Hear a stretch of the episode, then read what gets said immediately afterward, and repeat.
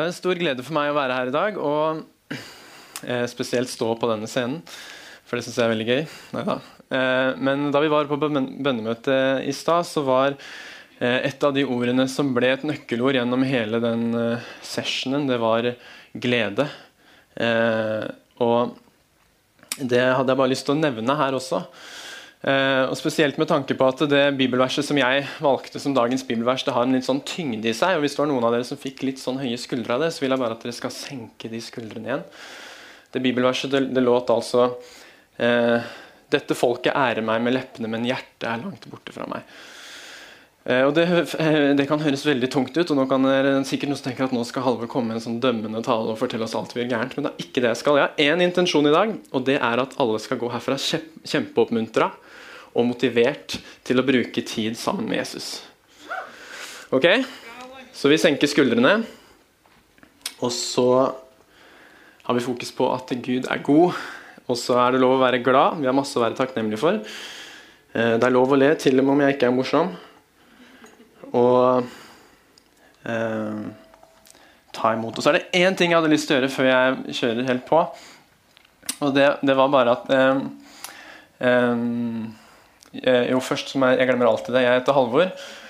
eh, Og jeg er gift med Birgitte, som, eh, som opp til nylig var ungdomspastor i menigheten her. Vi er fortsatt veldig involvert i ungdomsarbeidet, men, men vi er, leder det ikke lenger. Det er det Øyvind Mathias som gjør. Eh, Og han har med seg sin fantastiske kone Itzel, som er fra USA. Og jeg hadde bare lyst til å gjøre en veldig eh, rask ting. Eh, Itzel, can you stand up? I just want everyone to, to have a look at her because she's beautiful and amazing. She's uh, Even Matthias's wife. And I just wanted to, I, that, I'm blind, I can't fully see you. There you are. I just wanted to, in front of everybody, uh, welcome you to our church and to our church family and just declare that you are welcome here. You belong with us and uh, you're right where you're supposed to be. And we're so grateful to have you here.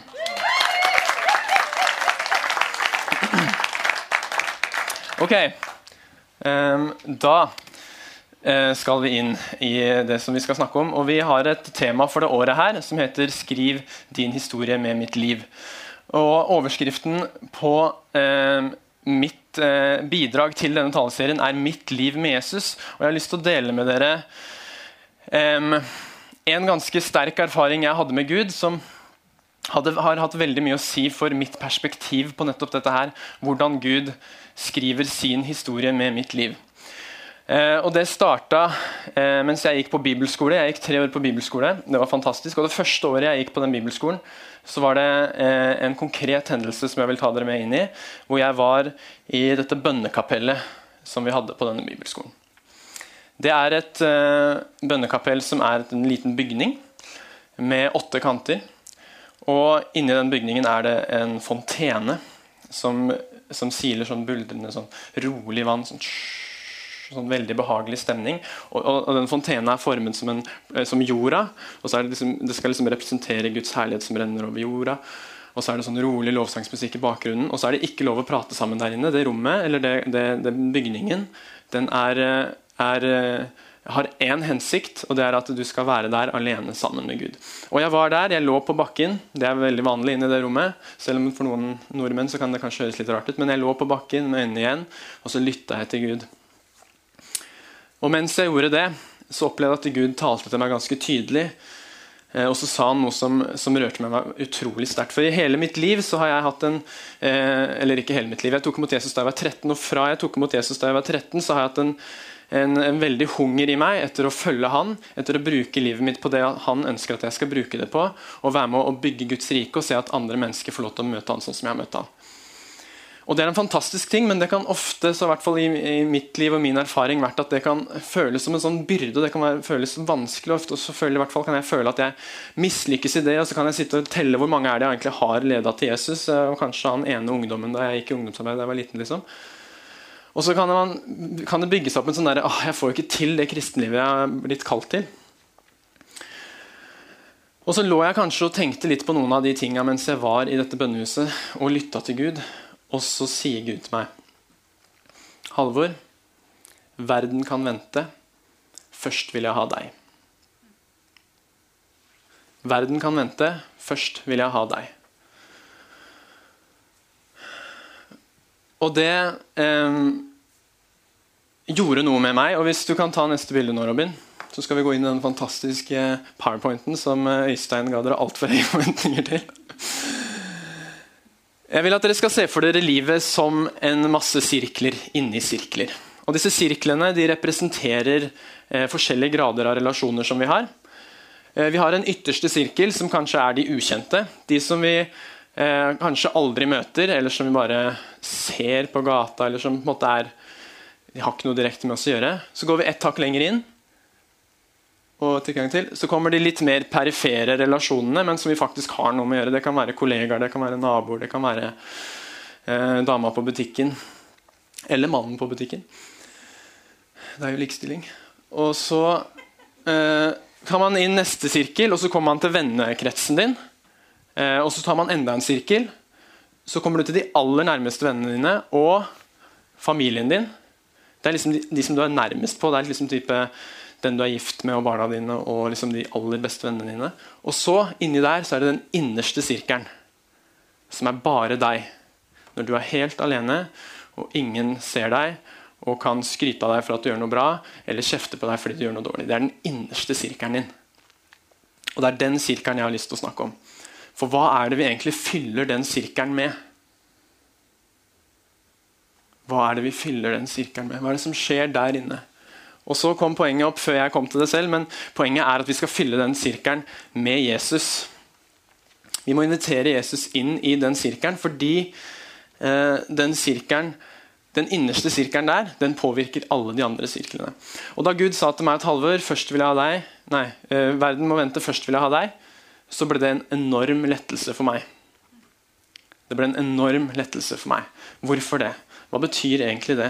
Det, er, det høres egentlig litt sånn bakvendt ut, fordi i hvert fall i min eh, kristne tankegang så kan jeg ofte tenke veldig sånn at ja, men vi skal jo glemme oss selv, og vi skal legge oss selv til side, og så skal vi ut og bety noe for andre. Eh, og det er sant. Eh, men det er også like sant at vi skal elske vår neste som oss selv. Som krever at du elsker deg selv. Har du noen gang tenkt på det? Og når Gud sa det først, eh, verden kan vente, først vil jeg ha deg, så skjønte jeg noe. Kanskje ikke helt med en gang, men etter hvert så skjønte jeg noe. Og det var at før Gud ønsker å bruke meg til å nå og velsigne de i de ytre sirklene mine, så ønsker han å bygge en sterk innerste sirkel sammen med meg. Og Jesus han demonstrerte hvordan vi skal leve. Han er liksom eh, vårt største forbilde, vår største rollemodell. Hvis du lurer på hvordan du skal leve som kristen, så les evangeliene og se hvordan Jesus levde. Og I flere steder i evangeliene så står det at Jesus eh, gikk eh, vekk til et øde sted eh, og var alene og ba der. Eh, flere steder så ser man det står. Og så tenker jeg at hvis, eh, hvis Jesus trengte å gå alene vekk fra alle og være alene sammen med Gud, så trenger i hvert fall jeg det. Og Det der det er den innerste sirkelen til Jesus. Og jeg tror at alt det Jesus gjorde, alt det som disiplene fikk være med på å se, det fløyt ut av den innerste sirkelen, av den alenetida som Jesus hadde med sin far. Og det er det vi må ta etter. Um, For jeg tror at vi, kan, vi, som kristne kan bli veldig fort opptatt av de ytterste sirklene. Og det, det tror jeg er litt eh, djevelens taktikk også. For at vi har et tydelig kall til å være med å vinne mennesker for Jesus, demonstrere Guds rike, velsigne de rundt oss, vise de Guds godhet, dra de inn i det som vi vet at er så bra. Representere Jesus. Det er vi kalt til. Men så tror jeg at for at det skal eh, fungere ordentlig, så må så må Gud gjøre noe inni oss først. Så må vi ha et liv her inne sammen med Han som fungerer og som er levende. Og ut ifra det eh, så må det flyte over i alle de andre sirklene. Og eh, Jeg har lyst til å ta dere med i et bibelvers her nå. Eh, gå til Matteus 23. Kapittel 23. Matteus kapittel 23, førstemann. Da jeg gikk ungdomsarbeid, så hadde vi sånne bibler som vi delte ut alle sammen. Husker du det, Lenita? Lenita og jeg har gått i samme ungdomsarbeid. Og da når vi delte ut de biblene, så den som holdt andakt, da, eh, sa et eller annet bibelvers som du skulle prate ut ifra, så var det alltid førstemann å finne fram. Eh, også, det som også var så utrolig fint, var at den som holdt andakt, vi hadde sånn kultur på det, at den venta alltid til alle sammen hadde bladd opp. Så nå skal jeg vente til alle sammen har funnet Matteus 25. Dere har sikkert funnet det før meg allerede. Så, jo, 23. Jeg sa til og med ja, mm. Ikke sant? Matteus 23. Der er det. Vers 25 og 26. Um, har alle funnet det? Kan dere rekke opp en hånd hvis dere har funnet det? Det ser ut som de fleste er med. Fantastisk. Kan du rekke opp en hånd hvis du ikke har funnet det? Nei da, hjemmetulla. Um, I de versene her så tror jeg det er en kjempeviktig nøkkel i forhold til det jeg snakker om. I forhold til hvorfor den eh, innerste sirkelen er så viktig. Og Igjen så kjefter Jesus på fariseerne. Han gjør det en del. Um, og han sier, han holder en lang tale hvor han eh, setter de på plass og forteller de alt de gjør feil, og hvordan de bommer. Det høres jo ikke ut som Jesus, men han gjør faktisk det. Og i vers 25 så skriver han, nei, sier han Ved dere skriftlærde og fariseere, dere hyklere. Dere gjør beger og fat rene utvendig, men innvendig er de fulle av griskhet og grenseløst begjær. Du blinde fariseer, rens først begeret innvendig, så blir også utsiden ren. Og det her, Nå kjenner jeg at jeg blir litt sånn gira. fordi at uh, ren, Rens først begeret innvendig, så blir også utsiden ren. Det er en, det er en automatikk her. Det er en, det er en, tydelig sammenheng. Når det på innsiden er gjort rent, så blir det automatisk det på utsiden rent også. Og Hvis jeg får lov til å ta, dra en litt frimodig parallell til det, sirkelsystemet mitt Når vi bygger en sterk relasjon, en sterk indre sirkel med Jesus, så blir automatikken at det som du har der inne med Jesus, det varme fellesskapet hvor du er sammen med han, og du blir fylt av hans kjærlighet og hans glede og fred og, hans, fred, og, og hans nærvær og bare blir påvirka og forvandla av det, så vil det automatisk renne over i de andre sirklene. Skjønner du? Og Da blir det ikke lenger sånn at du må bevege deg og jobbe hardt for å komme deg ut i den ytterste sirkelen og, og, anstrenge deg for å, for å, dele evangeliet og vinne mennesker med Jesus. Men det blir det mest naturlige i verden, fordi at du har blitt påvirka av han som brenner mer for de menneskene enn du gjør selv. Henger dere med? Bra. Og Så er neste poeng at i dette sirkelsystemet så er det en veldig, veldig klar prioritering. Ser dere det? Den første sirkelen som kommer etter den innerste sirkelen, når du beveger deg utover, hvilken sirkel er det? Jo, det er familien din og de aller nærmeste vennene dine. Og dere, Jeg er helt overbevist om at akkurat nå i den livsfasen jeg er i, så er det mitt viktigste evangeliseringsoppdrag det er å lære min sønn og datter Natana Latina, at de kan ha en levende relasjon med Jesus og vise hvem han er. Jeg blir litt sånn når jeg tenker på det, men det er det viktigste som jeg kan bruke tida mi på. Og alle andre kommer på andreplass. Det spiller ingen rolle om jeg har leda 10 000 mennesker til Jesus hvis ikke jeg klarer å vise min sønn og datter hvem Jesus er, og at de kan ha en levende person, relasjon med han, så jeg bomma. Så har jeg bomma. For vet dere hvem Vet dere hvem som blir den største representasjonen for de om hvem Jesus er og hvem Gud er. Det blir meg og Birgitte. Hvis ikke vi ser de og investerer i de, så kommer de til å tenke at sånn er Gud også, bryr seg ikke om meg.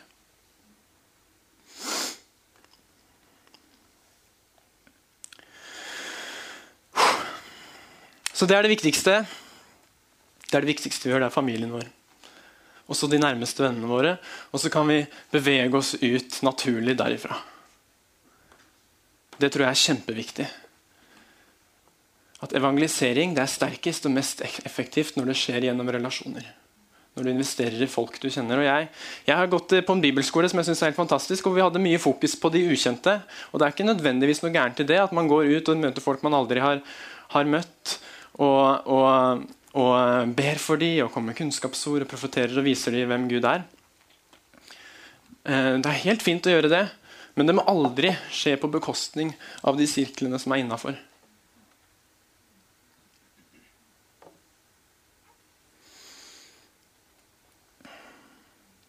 Og En av mine største troshelter og forbilder, eh, som heter Bill Johnson Han sa en gang i en tale at eh, um, evangelisering i sin reneste form er en overflod av tilbedelse til Gud. Det betyr altså at evangelisering i sin reneste form er en overflod av tilbedelse til Gud. Det betyr at eh, når jeg i min innerste sirkel bruker tid på å være sammen med Gud, tilbe og ære Han og bare la min begeistring for Han vokse, så er den mest naturlige responsen er at det, det, den begeistringen beveger seg ut i de andre sirklene, og så får jeg lyst til å vise hvem han, er, hvem han er, fortelle om han, demonstrere for de rundt meg hvem han er. Evangelisering i sin mest naturlige form er en overflod av tilbedelse til Gud.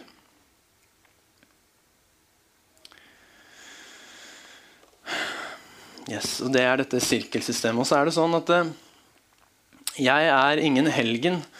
Og det er ikke sånn at jeg alltid får til dette like bra som jeg vil. Eh, fordi at det, eh, det er i hvert fall sånn for meg. Jeg vet ikke med dere, dere er sikkert mye bedre enn meg, men for meg så er det i hvert fall innmari kort vei til eh, mange ting som ikke i seg selv nødvendigvis er så innmari feil og negativt, men som kan ta mye tid fra, fra nettopp det Gud ønsker å gjøre i livet mitt. F.eks. Netflix. Det å sitte og se på serier eller spille Fifa. For meg så er det en utfordring. Men vi har alle disse tingene ikke sant? Som gjerne vil ta litt plass i den innerste sirkelen vår. Og Ofte så er unnskyldningen at ja, men, ah, jeg er sliten og det er så deilig å bare slappe av litt med det. Og jeg tror at I små doser så er disse tingene egentlig bare balsam for sjelen, men det er når det blir for mye av det, så blir det en avgud. Og Jeg må jobbe med meg selv og jeg må, ta, jeg må ta konkrete valg. Jeg må ta eierskap for min innerste sirkel og passe på at den ikke blir spist opp av Netflix og Fifa og filmer og serier som jeg har så innmari lyst til å se. Og, og sånn. Og så merker jeg nå etter at jeg er blitt eh, småbarnsfar, at den, eh, hvis man definerer den innerste sirkelen som kun den tiden du er helt alene, så er den veldig liten. Kan nesten ikke gå på do alene engang. Jeg bare spør Birgitte. Daglig så sitter hun uh, på do med en unge på fanget og sier 'privatliv fins ikke lenger'. Uh,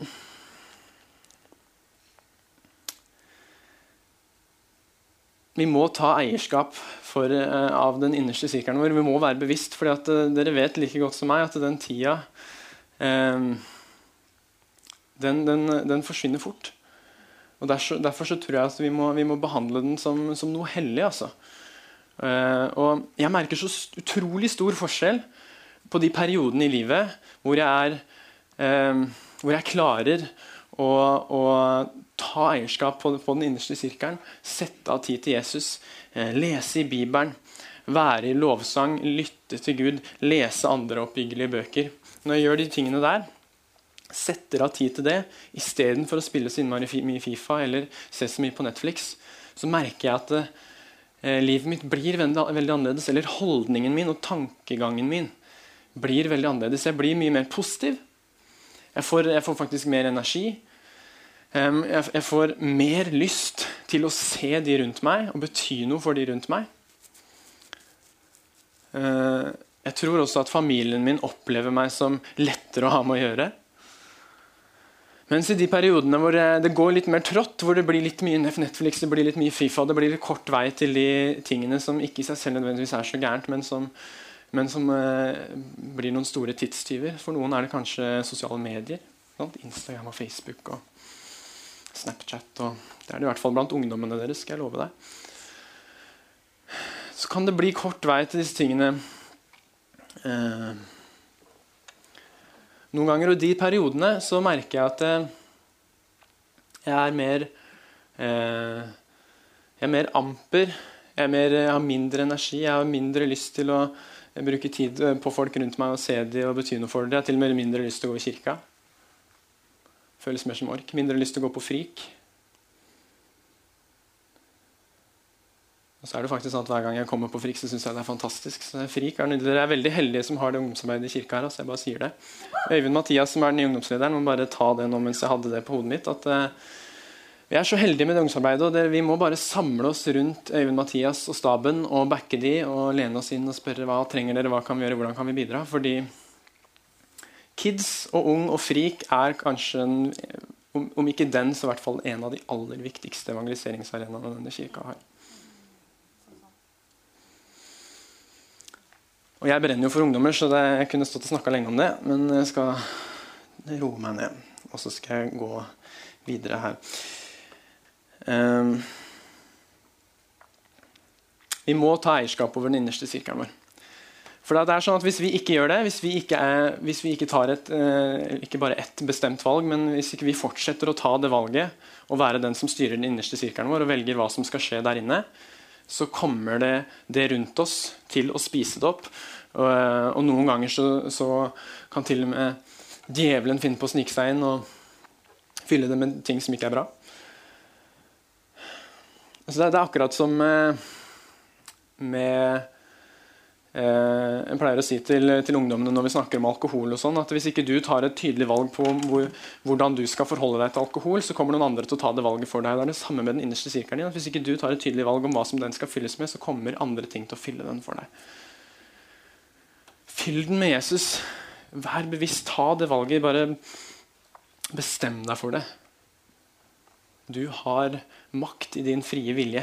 Tenk så mye makt Gud har gitt oss. Helt fantastisk. Eh, vi skal gå inn for landing lovsangstime. Kan egentlig komme opp. Um,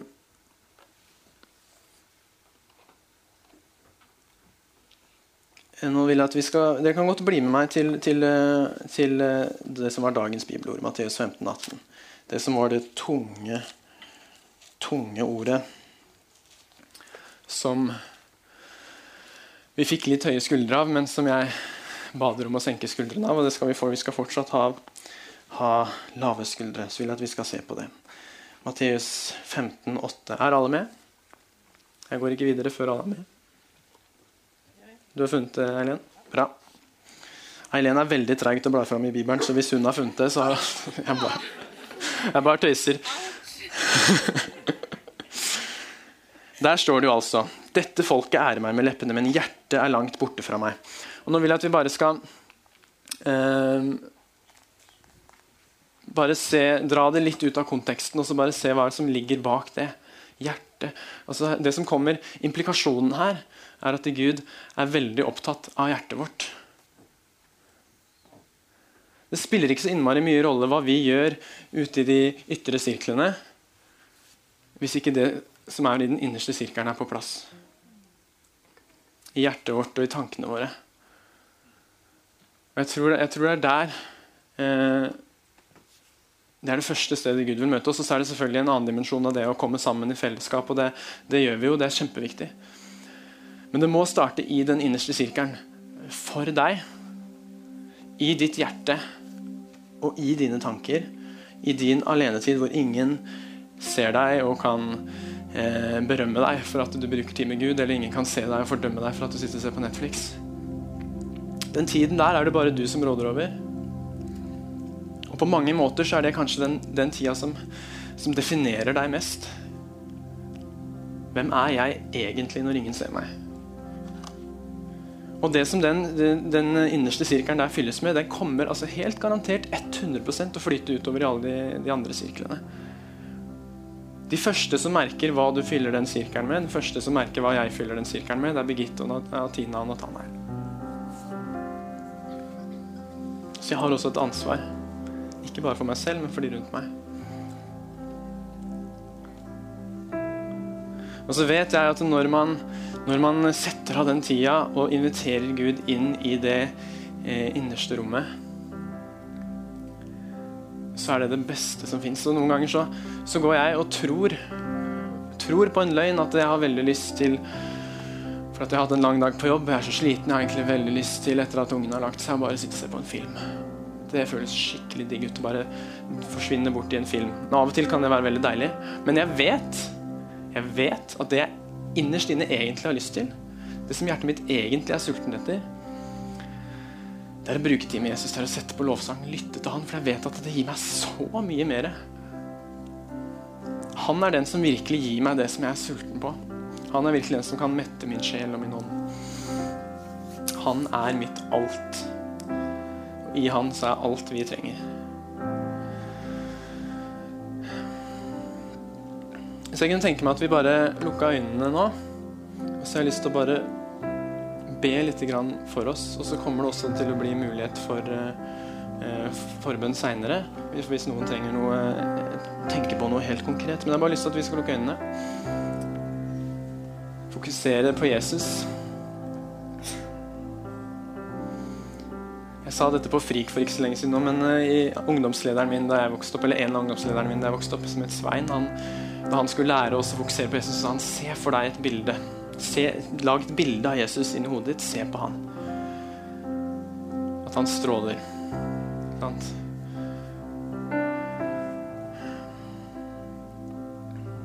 Og så har jeg lyst til å bare velsigne den innerste sirkelen deres mens dere ser på Jesus. Og så oppfordrer jeg også at dere i hjertet deres bare ønsker ham velkommen inn der. Men jeg har lyst til å velsigne den innerste sirkelen deres. Og så bare ber jeg Herre om at du skal møte oss der. At du, Hellige Ånd, skal gi oss kraft og nåde og hjelpe oss til å prioritere deg inn i den innerste sirkelen vår. Så at du kan komme og røre ved oss og forvandle oss og gjøre oss mer og mer lik deg. Og sånn at det som flyter ut i alle de ytre sirklene våre, det er ditt hjerte. Det er din kjærlighet, og det er din glede, og det er din fred, og det er ditt rike. La det bare blomstre opp inni oss. Og hjelp oss å se viktigheten i det, pappa. Hjelp oss til å ikke eh, Hjelp oss å legge fra, legge fra oss fordømmelsen og det med at uh, vi føler at vi må hvis ikke konsekvenser, bla, bla, bla. Men hjelp oss heller til å se positivt at hvis vi gjør det, så blir livet vårt forvandla. Livene til de rundt oss blir forvandla. Vi får en daglig berøring av deg.